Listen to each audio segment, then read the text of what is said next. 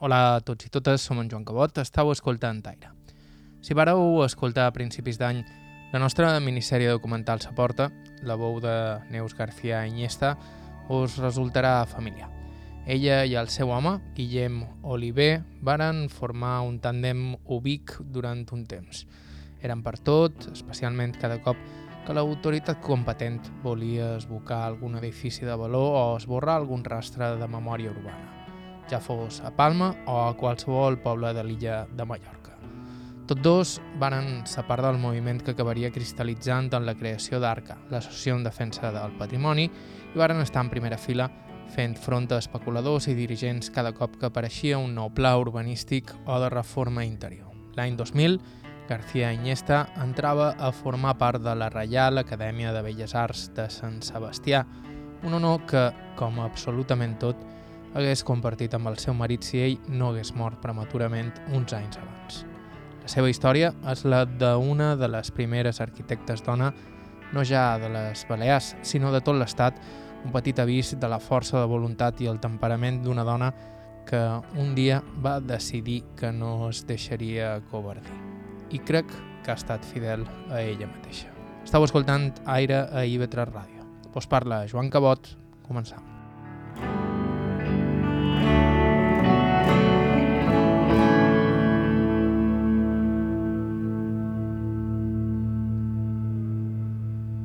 Ho feim amb les presentacions. Neus García seu a la taula de la seva sala d'estar, un espai clarament tant de treball com de descans. El seu nom complet és... Maria de les Nieves Laureana García Iniesta. Vaig néixer a Petrer, província d'Alicant, en 1945. Mon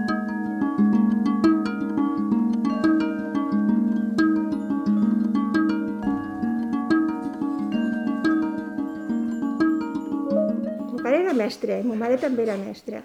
Ma mare de, pàrvol, de, de pàrvols i mon pare, de, en aquells moments, els homes, els mestres, agafaven els nins en la primera edat que, des, que, que arribaven de, dels pàrvols i després els acompanyaven fins el final. Després tornaven a agafar els mateixos, era un sistema... Si eres un molt bon mestre era fantàstic, si eres mal mestre pues, era terrorífic els alumnes. Tots dos eren molt entregats, perquè passa una cosa, jo ho he vist en mi mateixa i en tota la gent que he conegut que té un ofici. Si estimes molt, si ets una apassionada de lo que fas, com a mínim ho fas bé. Si a més eres bona en el teu ofici, pues ja ho fas beníssim. Però si estimes el que fas, ho fas bé. Com eren de caràcter, estos? Completament diferents, completament diferents. Mon pare era, era una espècie de, de professor d'universitat en el mateix temps que un poc savi i un poc eh, capellà, perquè soltava uns sermons llarguíssims, era molt intel·ligent i la gent la, el respectava moltíssim, és a dir, el que deia ell, eh, anava a missa, com se deia antes, no? A ell anaven a demanar-li que feien amb eh, el seu fill, que feien... És dir, que, que li donàs consells per, per moltes de coses. O sigui, i ell tenia un caràcter molt, molt serio, molt recte, molt auster en tot i molt familiar. És dir, jo me'n record que anàvem plegats, tot quatre, jo tinc un germà, i tot quatre anàvem plegats a tot. És dir, eren com la família... Hi havia una família Pepe, que en aquell temps hi havia un TVO se deia la família Pepe, i anàvem tot plegats, doncs nosaltres eren el mateix. Ell no anava mai, mai de la seva vida a anar a un bar, ni a un restaurant. Jo, jo vaig ser la primera que, que els duia a restaurants i el meu germà també, quan ja van tenir la nostra família cada una. Però ell no anava, no se gastava un duro que no fos en benefici, dirien, de la seva família, sobretot dels, dels seus fills. I ma mare era tot el contrari, era l'alegria de la huerta.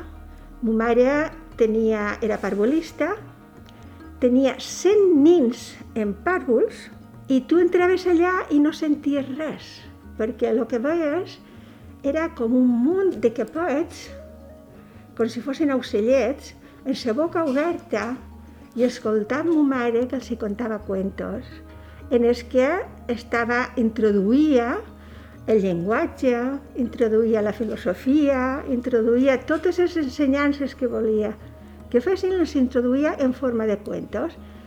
I 100 personetes en sos ulls plens de màgia. Era increïble. Clar, a ella no és, no és que la respectaven, a ella l'estimaven.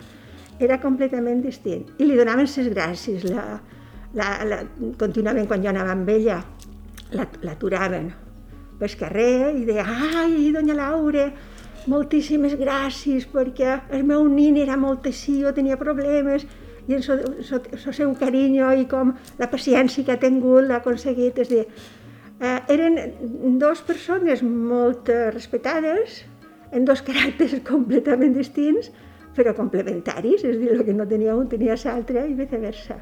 Criar-se amb ma mare era molt fàcil, perquè era una madraza, no? D'aquestes que, que, que, que fan tot, i a més són mestres. en aquell temps les dones no eren la meitat aquí la meitat allà, sinó que les dones tenien que ser d'ama de cases, de mare, d'esposes, i si a més tenien una feina fixa, dirien, o, un, o una carrera, pues, a més exercien, com vaig fer jo, quan vaig acabar, igual.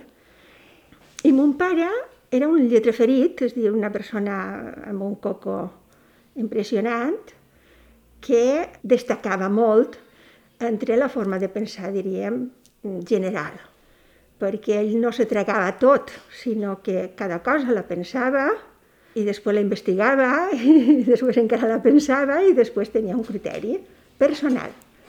Mai, mai era el criteri d'aquest grup o d'aquest altre grup o d'aquest altre grup.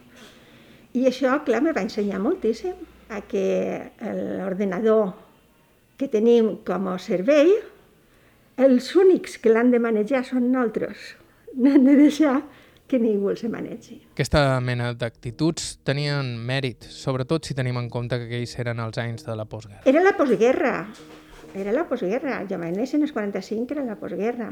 I hi havia molta carestia d'aliments, se feia contrabando, la iglesia era plenipotenciària, és dir, la iglesia estava eh, en tota la política. Els, capellars sempre anaven a Sobalda, en les processons anava també totes, el bal anava a les processons, és dir, eren com, com unya i carne, i eren dos, dues pates de la mateixa d'espodar, les dues pates d'espodar.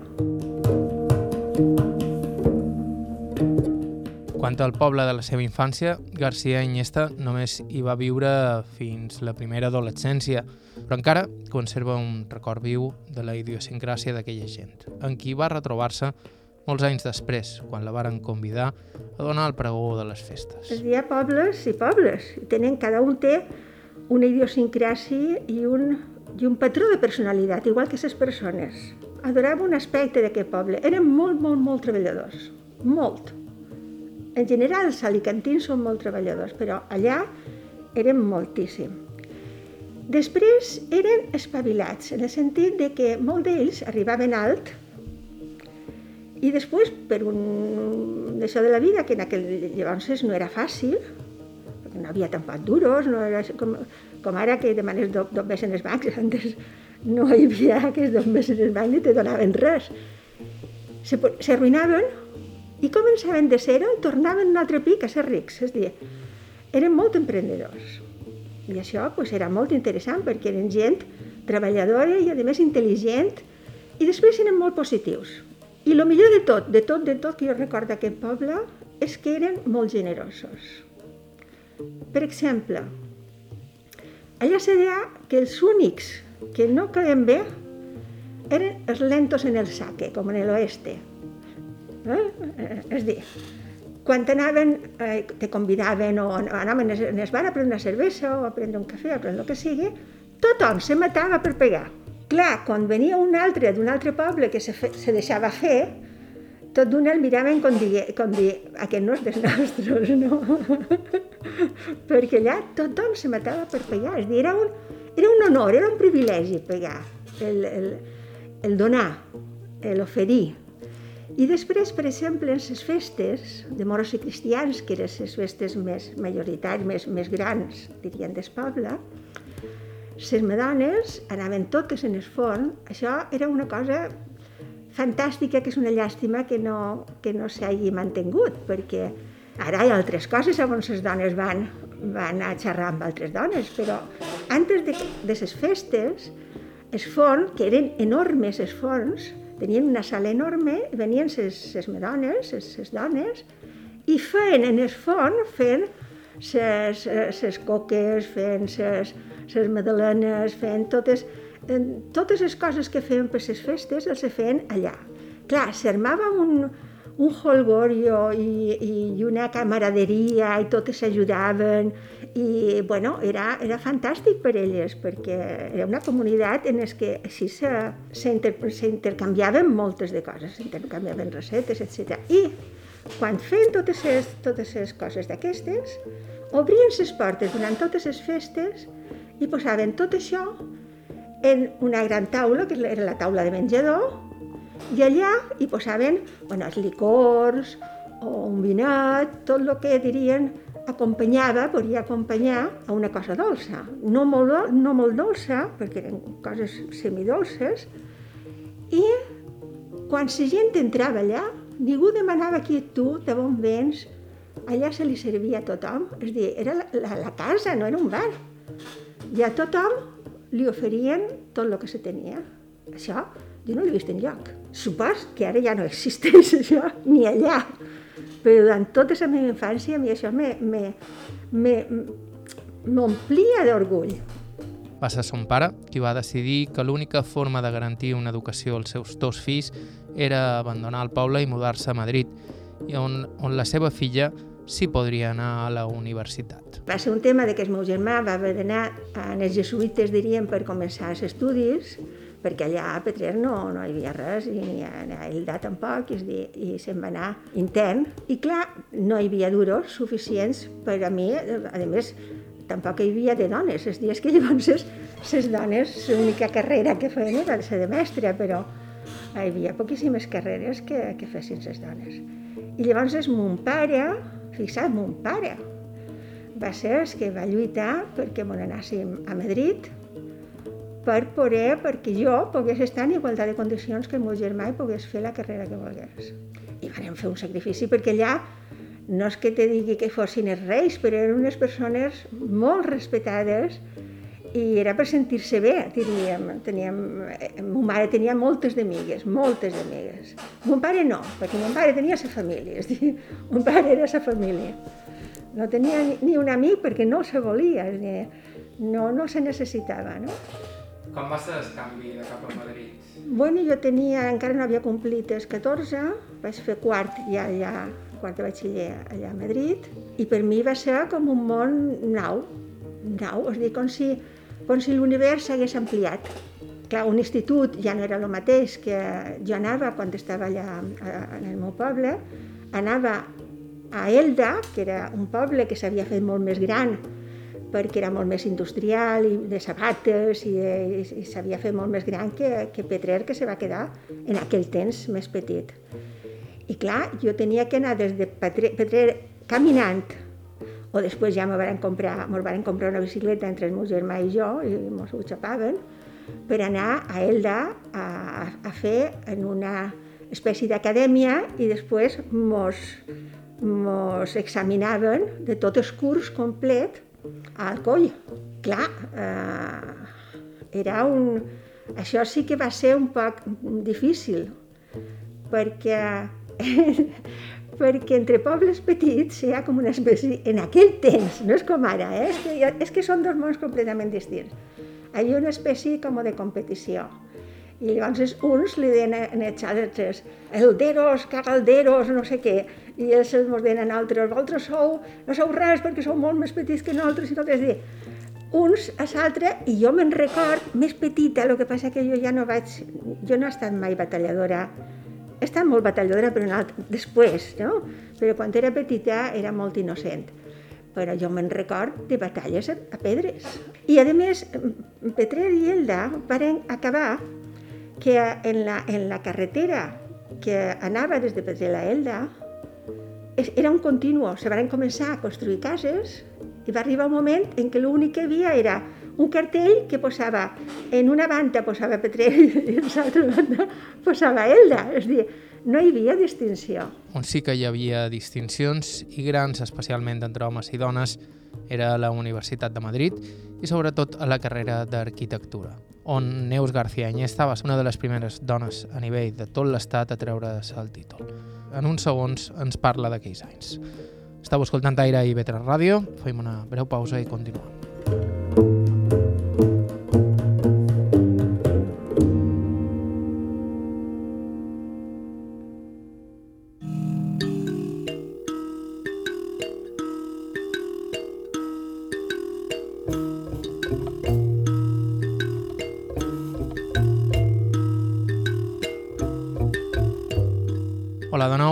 Cabot i això és Aire. Abans de continuar, vos recordam que la millor manera de no perdre's cap episodi del programa és subscriure's al nostre podcast.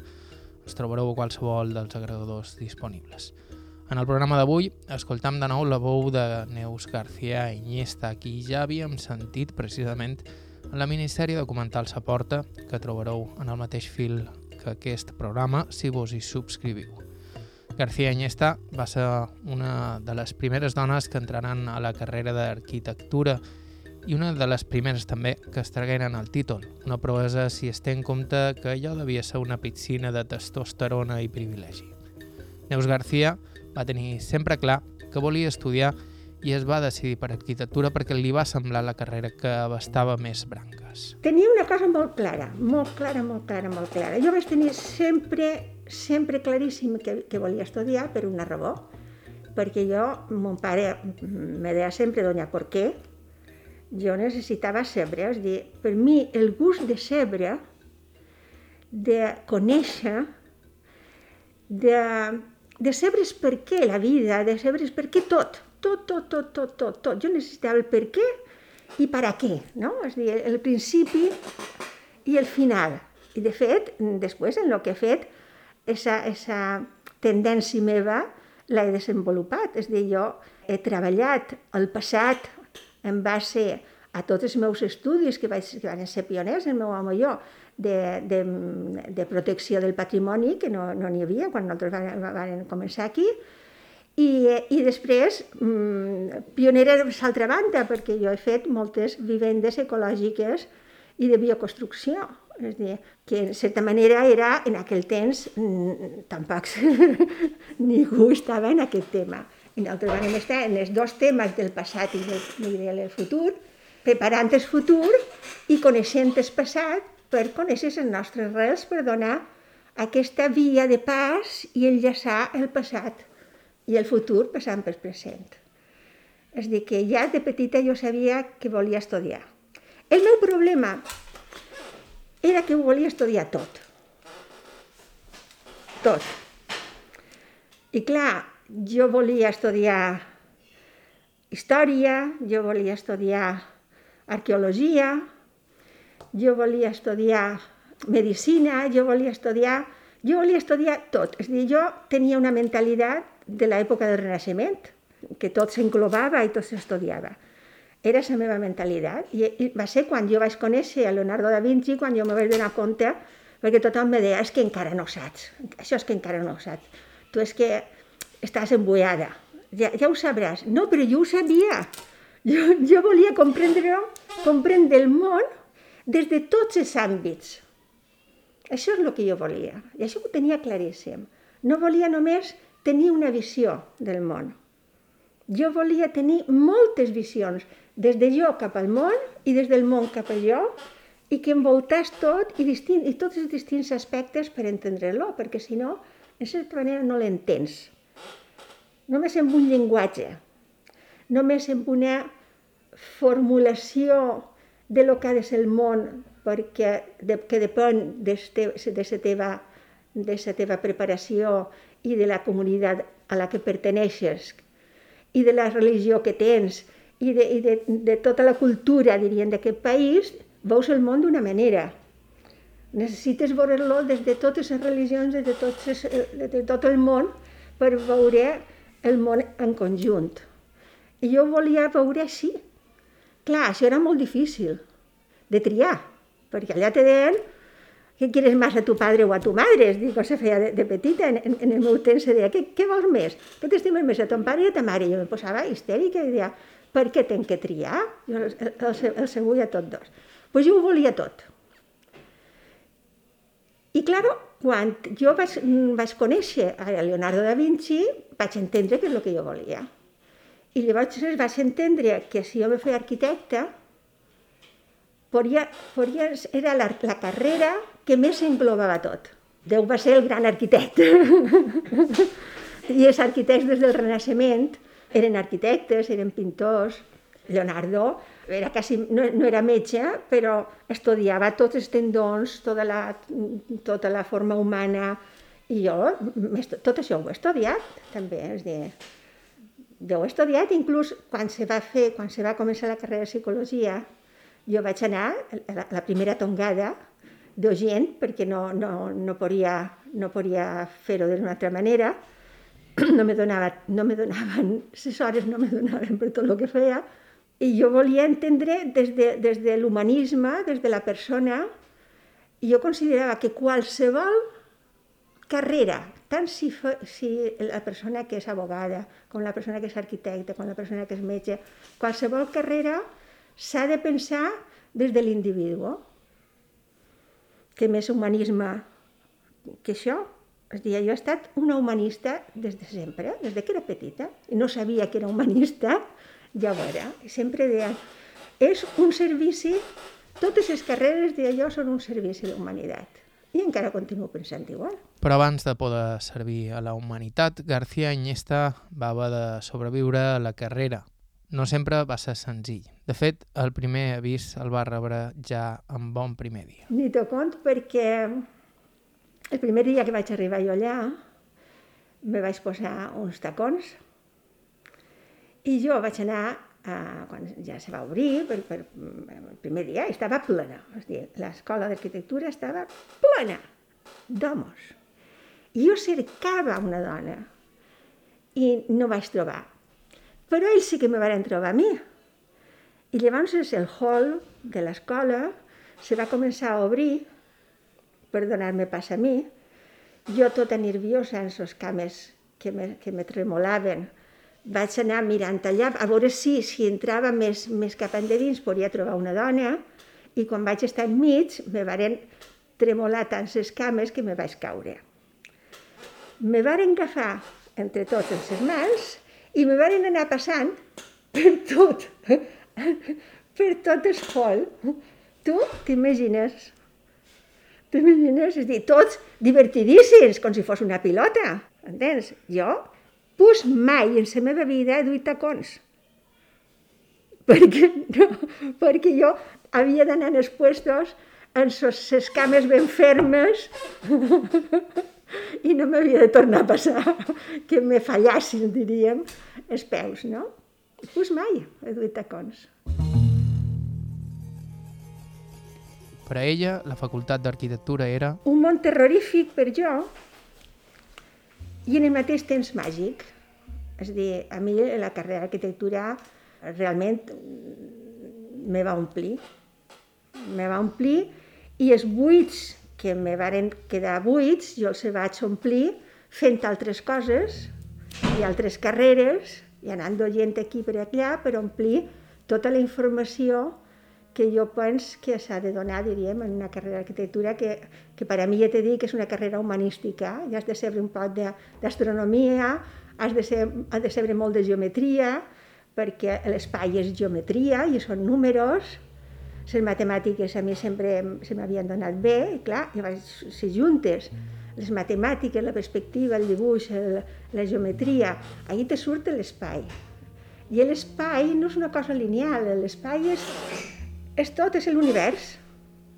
És l'espai petit de la casa, és l'espai més gran que és el carrer, és l'espai més gran que és el poble, l'espai més gran que és la ciutat, l'espai més gran que és, que és, que és el, el, camp, i després està, està l'univers, és a dir, que, que tot és espai. Així, a mi me va, me va fascinar. Però, claro, eren tan poquetes que una cosa que totes les que vaig trobar més tard, anaven totes juntetes, és dir, com si fossin, com si tinguessin, com si necessitassin protecció, se protegissin entre elles, perquè els homes no fessin, per exemple, el que me van fer a mi el primer dia, que me van passejar per damunt dels caps de tots, i anaven així, i m'anaven una mà en el cul i l'altra eh, aquí, i me van anar passejant per tot, no? pues ells se protegien. I jo me vaig, eh, me vaig prometre que no, que no ho faria. És a dir, que jo aniria per meu compte. No aniria a refugiar-me en ningú i que si tenia que sofrir, sofriria des del principi. Perquè, a més, és que era, era un poc com ridícul, és dir, totes, és dir, pareixien les, les monges de, la caritat, totes allà agrupades, com si fossin, i clar, no s'atrevien a ficar-se amb elles. Jo dic, bueno, se ficaran en jo, però, però no, no, vull, no vull fugir d'això. Hi va haver moments durs durant la carrera? Sí, va haver moments durs i moments fantàstics. Durs perquè, per exemple, un auxiliar me tira los tejos i jo li vaig dir que no i me va suspendre. I com que jo sabia que precisament era una assignatura que a mi m'encantava, pues vaig anar al catedràtic a demanar una obertura de, de, de pliques, que se diuen, que se diu, i una revisió, dirien, de l'examen i de la nota, lògicament. Llavors, és clar, el catedràtic, quan me va veure un catedràtic ja vell, una dona que venia al catedràtic a protestar per un auxiliar, perquè en aquell temps, no és com ara, que els catedràtics i els professors són com iguals dels, dels alumnes i se, s'entremesclen i se diuen de tu i no sé com dir-te. En aquell, llavors serà una institució, és dir, hi havia un nivell aquí, d'aquí cap a dalt eren els professors i d'aquí cap a baix eren els alumnes i d'aquí cap a baix eren les quatre mosses que hi havia dones, no? I me va dir, Nina, jo no, eh, bueno, me va, va, me va fer el gran favor de llegir-s'ho, me va dir que estava totalment d'acord en jo, que me mereixia un, un, un, sobresal, un, un notable alt per no, per no dir que me mereixia un sobresalient o una matrícula, però que si jo continuava amb aquesta direcció no acabaria la carrera, perquè tots els professors farien costat en aquest professor i tots me suspendrien. Això m'ho va dir el catedràtic. I ell me va dir, si fas això, jo te promet, tu ves a, a setembre a tornar a examinar-te. I jo te promet que, que estaràs aprovada. Ventura no te posarà la nota que jo te posaria per lo que he llegit, però no s'atrevirà, perquè jo xerraré amb ell, no s'atrevirà a suspendre-te. I efectivament vaig, vaig tenir que anar a tornar a fer l'examen i te diré una anècdota d'aquesta persona perquè no diré qui és, lògicament. Un dia, la Caixa, jo venia de fer, jo tenia que anar a fer, un, vaig anar a fer una conferència, no sé si a Madrid o a, bueno, jo he fet moltes conferències per totes bandes. I a la tornada me van dir, mira, és que volem fer aquesta conferència i vendrà un fulano de tal i voldria que tu el presentassis. I quan m'havia dit fulano de tal, era que fulano de tal havia passat això. I, bueno, jo vaig pensar, bueno, ell no se'n recordarà de jo, perquè entre en aquell moment ja era, és dir, no ha, ja no som la mateixa persona. Bueno, jo vaig arribar just, just, just, vaig venir de l'avió i vaig entrar directament al teatre. Bueno, al teatre, a la, a la sala aquesta de, de la caixa que hi ha, que hi ha aquí, que és molt, que és gran i me vaig seure de vora a ell i quan ell se va girar tot somrient, se va posar pàl·lid. Pàl·lid, eh? I me va dir, no lo haràs, no és verdad. va dir. I jo li vaig somriure i no li vaig contestar. I se va posar a suar. Eh? No li veia les gotes de suor. I res, vaig començar el panegíric, dirien, de presentació, i el vaig presentar com el, com el gran estudiós del, des, des, des, que era, eh? és dir, ell va arribar a ser una persona molt important, eh? I el vaig presentar com a, no com a persona, sinó que el vaig, eh, com, a, com, a, com a professional. I clar, li vaig, el vaig ensalçar perquè era un boníssim professional. Però ell va estar tremolant tot temps.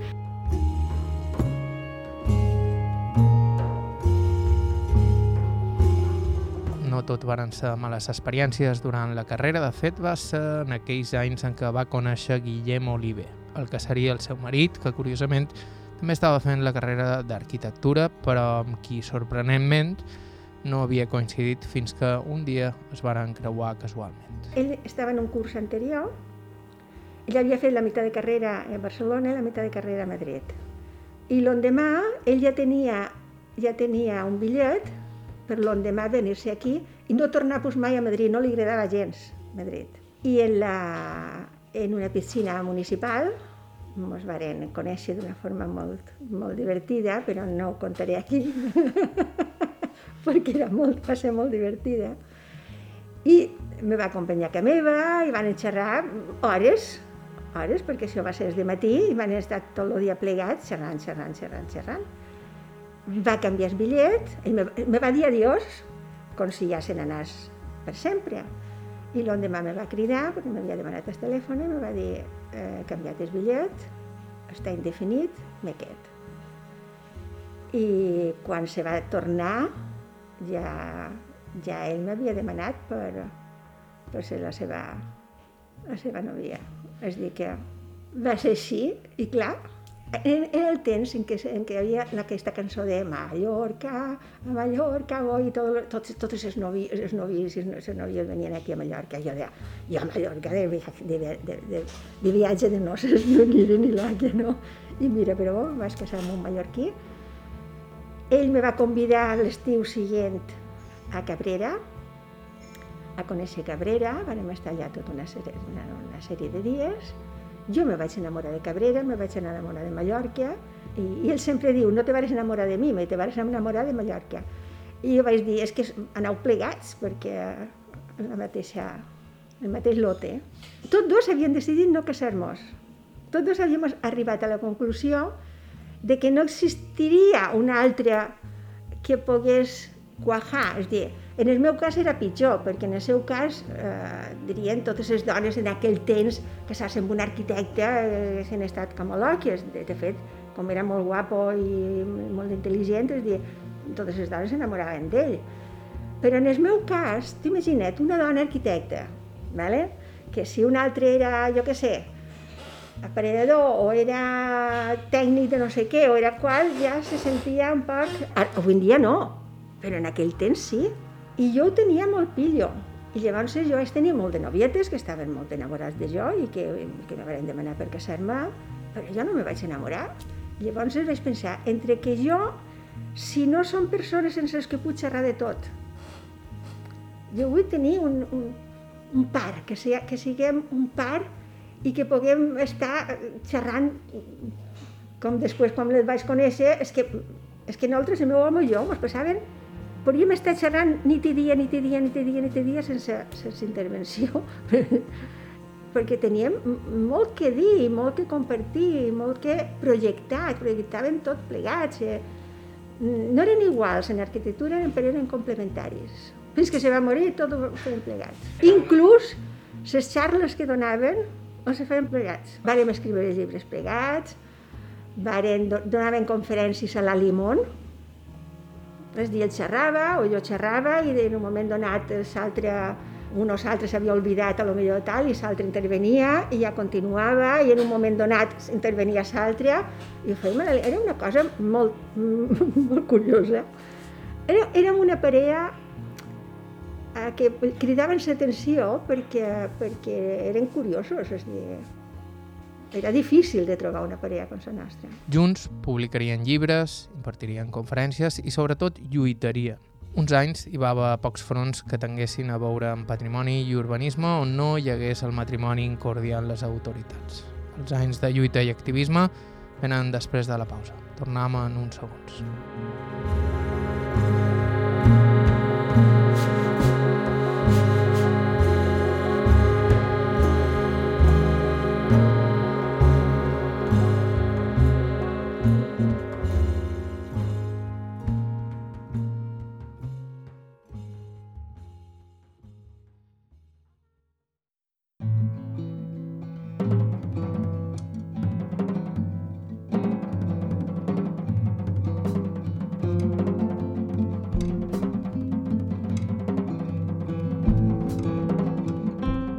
nou, això és Aire a IB3 Ràdio i com sempre aquest és el moment en què vos recordam que contínuament estem cercant testimonis, gent amb històries de vida interessants, així que si teniu qualsevol proposta d'entrevista ens podeu escriure a aire.ib3radio.com. Aprofit també per comentar-vos que abans de finals d'any estarem fent entrevistes per Menorca, Eivissa i Formentera, així que si ens escolteu des d'allà encara més preuats seran els vostres correus. De nou, aire, arroba ivetresradio.com. La protagonista del programa d'avui, Neus García Iniesta, ha estat arquitecta, lluitadora incansable per la defensa del patrimoni juntament amb el seu difunt marit, Guillem Oliver, en qui va escriure a més diversos llibres. Durant un temps, Neus García i Guillem Oliver eren el malson de qualsevol administració, cosa que explica que, encara en temps de Franco, tinguessin assignats una parella de la policia secreta. No van ser els únics que en aquells anys es van preocupar per la defensa del patrimoni, però sí varen formar part d'aquella primera generació de pioners. Clar, tots els pioners van contracorrent, perquè uh, la gent s'acomoda a lo que hi ha, s'acomoda i aprèn a funcionar, diríem, en aquest medi. Quan tu el que vols és donar un, uns camins per a on realment han de, han de córrer, perquè no, tu no te pots quedar estancat, sobretot si és injust a on estàs. Vale? Quan nosaltres vam venir aquí, jo vaig conèixer Mallorca i t'ho dic en sèrio, me vaig totalment enamorar de Mallorca. Vaig dir, és el meu lloc. I a més, Mallorca té un, un, una cosa, i és que és suficientment gran per tenir de tot, i suficientment petita per conèixer-la molt a fons. Sempre han estat molt socials, dirien, cap a, com a arquitectura com a servei a la societat. Quan nosaltres vam començar en el Col·legi d'Arquitectes no hi havia un, res que, que, que a la gent normal anés al col·legi i li poguessin dir en una barriada si, si això era correcte, si no era correcte, on s'havien d'anar. Hi havia unes correccions i unes preses de pèl impressionants perquè els venien se venien en, en, en, en, en redols d'edificis, de, els venien els edificis dient que després farien això i farien l'altre, que això estava tal, els venien i després no podien, no podien ni, que, ni, ni anar al quart de bany, m'entens? Perquè no estava posat res. Es diu una cosa. I nosaltres vam, vam muntar el Servici d'Informació Urbanística. El vam muntar i, i llavors anàvem barriada per barriada a explicar-los els seus drets, els seus deures, com se fa una urbanització, quines són les normes prescrites per tal, i ensenyar-los que tot el que poguessin, volguessin venir al Col·legi d'Arquitectes, no, nosaltres li ensenyaríem com, com fer-ho i si tenien que, que denunciar o el que sigui, que nosaltres organitzaríem el tenir abogats, etc etc. És dir, hi havia una quantitat de, de xanxullos tot era un xanxullo, és dir, és dir, pareixia una botiga en gran, a gran escala. I a més, aquells anys eren els del boom, els anys en què l'únic en què es pensava era en construir i construir com més ràpid millor. A construir no, a destruir. És dir, han de fer dues coses, una a nivell d'arquitectura popular i una altra a nivell d'arquitectura nova.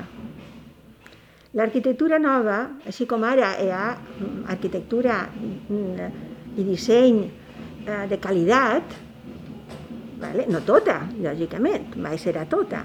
En aquell temps, tota l'arquitectura era dolentíssima, les parets eren de 20, de 20, de 20 centímetres, no hi havia aïllament. Eh, jo me'n recordo una vegada que li vaig dir en els, en els, en els ferrer, perquè eh, en, una, en una casa que les finestres eren de, de, de ferros, les finestres eren de, de ferro, de, de fusta, i li vaig dir, escolti, vostè està posant això a revés, perquè és, és goteró, quan la o sigui, gota de pluja caigui aquí, és goteró d'aquest perfil metàl·lic que està fet de tal manera que li entrarà de dins la casa. I me va dir, no senyora, clar, en aquell temps, imagina't tu, una loteta, perquè jo eh, tenia 25 anys quan vaig acabar, però jo semblava de, de 16 perquè en aquell, jo, jo duia trunyelles en aquell temps, una roseta molt prima i, i, i, i, i pareixia molt, molt més jove, dirien, de lo que, de lo que era. I, I el meu home també pareixia més jove, és a dir, que en, en, on vàrem començar a viure plegats, els veïnats en el cap d'un temps mos varen contar que s'havien reunit a veure si anaven a l'Ajuntament a denunciar que dos joves segurament havien, havien fugit de casa seva. Fisa que intensa. Bueno, i, i, jo, jo li vaig, i ell me va dir, senyora, vostè no té ni puta idea, jo he, sempre ho he fet així. Jo ja ho sé fer. Jo li vaig dir, pues mira, te don la notícia de que ho has fet sempre malament. I li vaig explicar per què se va quedar blanc i se feia així, és dir, se feia una, una, tan malament, tan malament, tan malament. Eren exàmens de construcció... Als anys 70, als anys 70... S'aixecava un hotel en tres setmanes. És que anaven a Andalusia i a Extremadura a dur obrers de la construcció que venien del camp i els se posaven a construir. Jo me vaig dedicar a ensenyar a llegir en els obrers de la construcció tenia un munt d'obres de la construcció perquè no sabien llegir. Jo deia, però com, si, no, si llegiu és plano, si no podeu realment... Eh, no, I a més ni es contracte, no, els, els contractes que els hi feien no se, no, no se podien ni, ni llegir, no sabien llegir.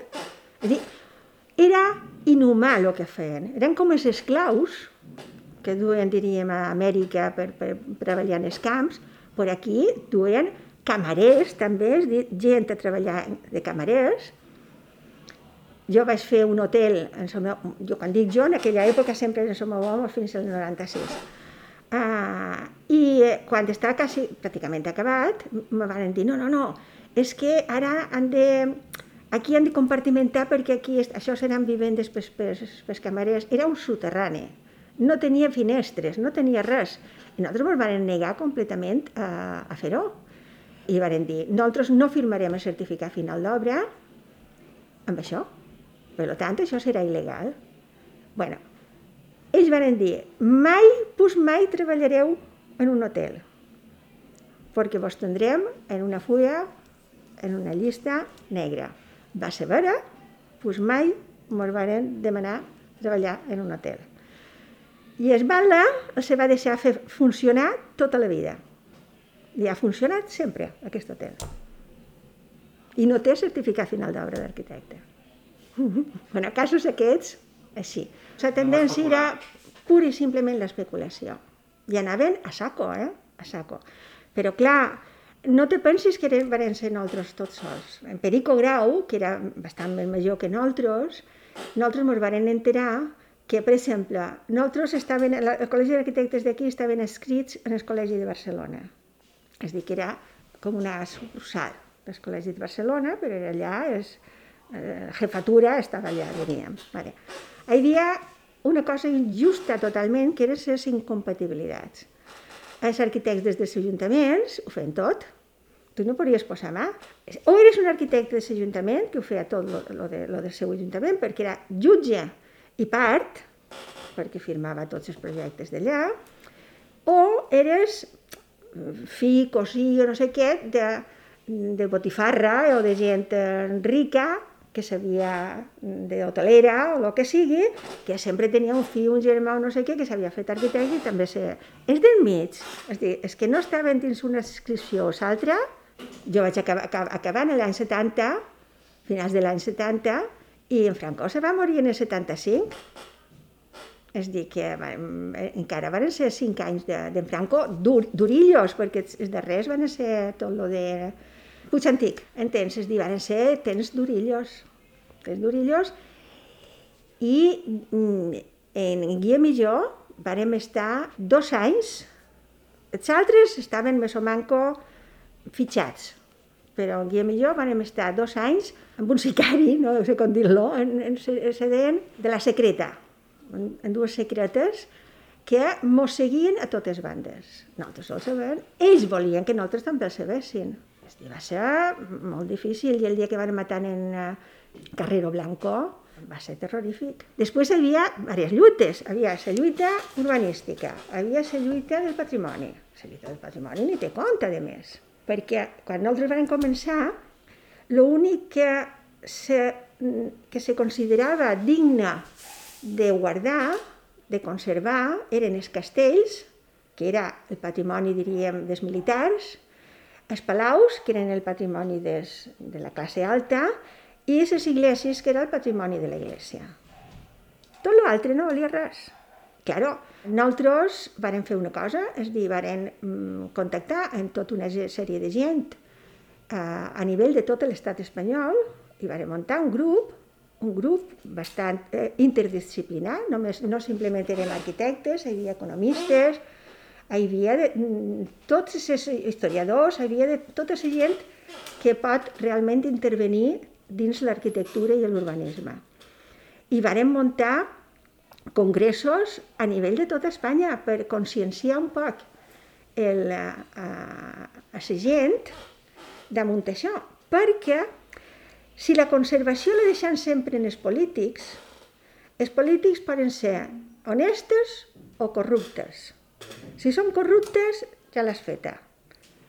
I honestos, de vegades n'hi ha que són, que són molt honests, però a lo millor n'hi ha un o dos enmig dels altres que bueno, pues no li diuen res i fan lo seu, les mangarrufes per davall. És dir, que no se poden deixar mai al poder la defensa, dirien, del patrimoni.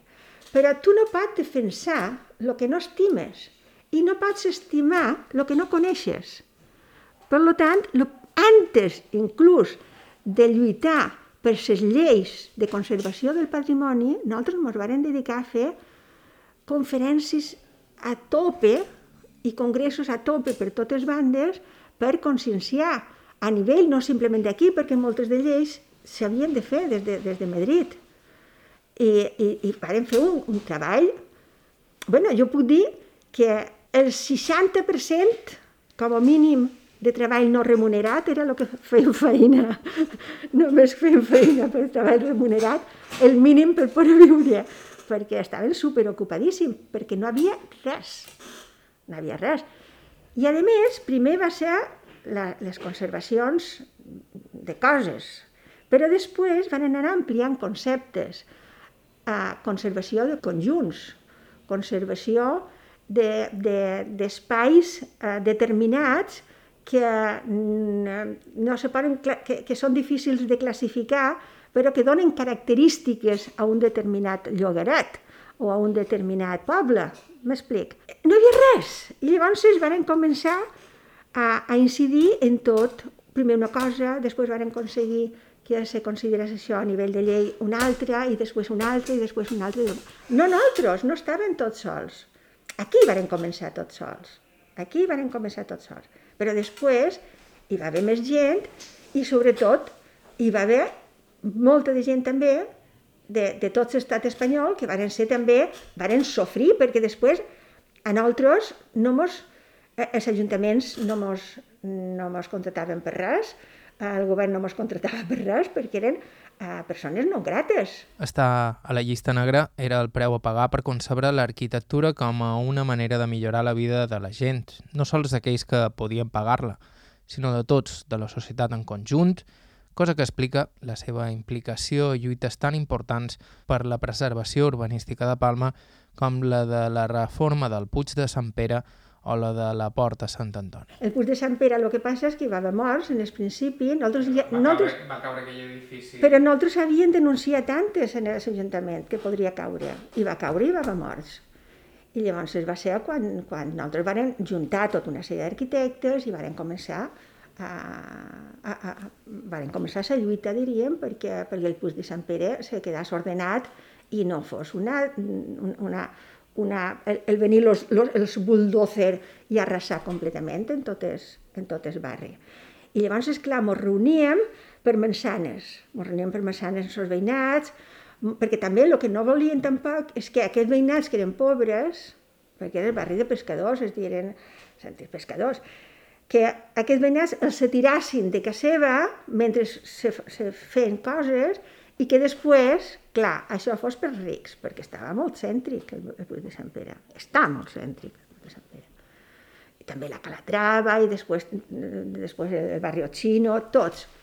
Eren barris que han, van aconseguir, mira que varen fer de tot, i van aconseguir que no tots se, se, se tinguessin que anar, és dir, Varen aconseguir moltíssimes de coses, però aún així, eh, en el barri xino no ho varen aconseguir, perquè no varen fer res de lo que, de lo que varen quedar de, de pactes en, en l'Ajuntament, i en la Calatrava tampoc, i, i, i en l'Espull de Sant Pere sí que ho varen aconseguir, perquè ens varen, varen fer una feina molt, molt de pinya. Se va fer un pla general per, persona, per persones mm, conscienciades i, i va ser fantàstic, per això va ser fantàstic. bueno, fantàstic, no va ser tot el que haguéssim volgut, però va ser, en certa manera, tenint en compte com estava l'assumpte, en certa manera va ser un èxit.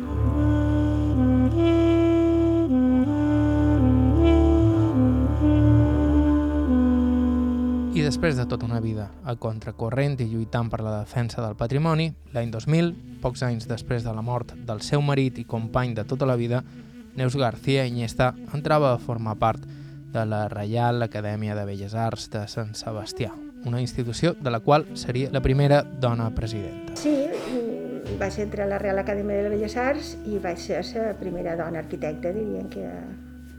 I també la primera dona presidenta de la Real Acadèmia. Jo per on anava, clar, és que si, si no n'hi havia dones, pues, pues quan t'hi arribes tu, perquè jo no anava mai a... A mi no m'ha interessat mai el poder, ni el poder ni els bombers mentre pogués viure, lògicament decentment però sí que he estat una apassionada de, de, de l'arquitectura i, de, de, i, de, i, sempre l'he considerat, com, com, com t'he dit antes, un servei a la societat i he pensat que els arquitectes haurien realment de fer arquitectura per fer un, una societat feliç i coordinada i harmònica, diríem, no? perquè el primer llibre que varen fer, que el varen fer a França, tractava de com la política condicionava els barris. Organitzaven les barriades noves en funció d'aïllar aquesta gent, per exemple, que, que podria ser conflictiva, perquè no poguessin entrar dins les parts de, dels rics. És dir, d'aquí podríem xerrar moltíssim. I van lluitar moltíssim perquè tot el centre de Palma també quedàs la veeta, quedàs el, el senyor major que no sé què, quedàs uh, aquella persona que, que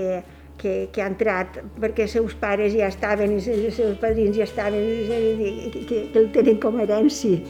Eh? I moltes de vegades no se va poder fer, però varen fer el que varen poder. És dir, la lluita va, va ser molt dura, ens va dur molta d'energia, moltes d'hores, però no, jo el tornaria a fer, és dir, tornaria a fer.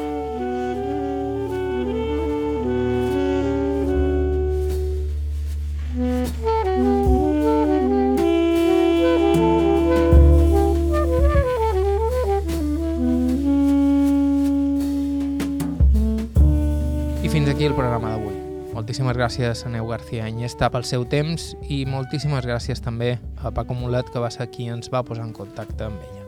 Sempre estem cercant testimonis interessants pel programa, així que si teniu qualsevol idea o suggeriment, ens podeu escriure a aire.ivetresradio.com. Us podeu subscriure al podcast d'Aire a qualsevol dels agregadors disponibles i a ivetres.org barra carta i trobareu tot l'arxiu del programa. La música que ha sonat avui ha estat de Joshua Abrams, Marissa Anderson i Charles Rumbach.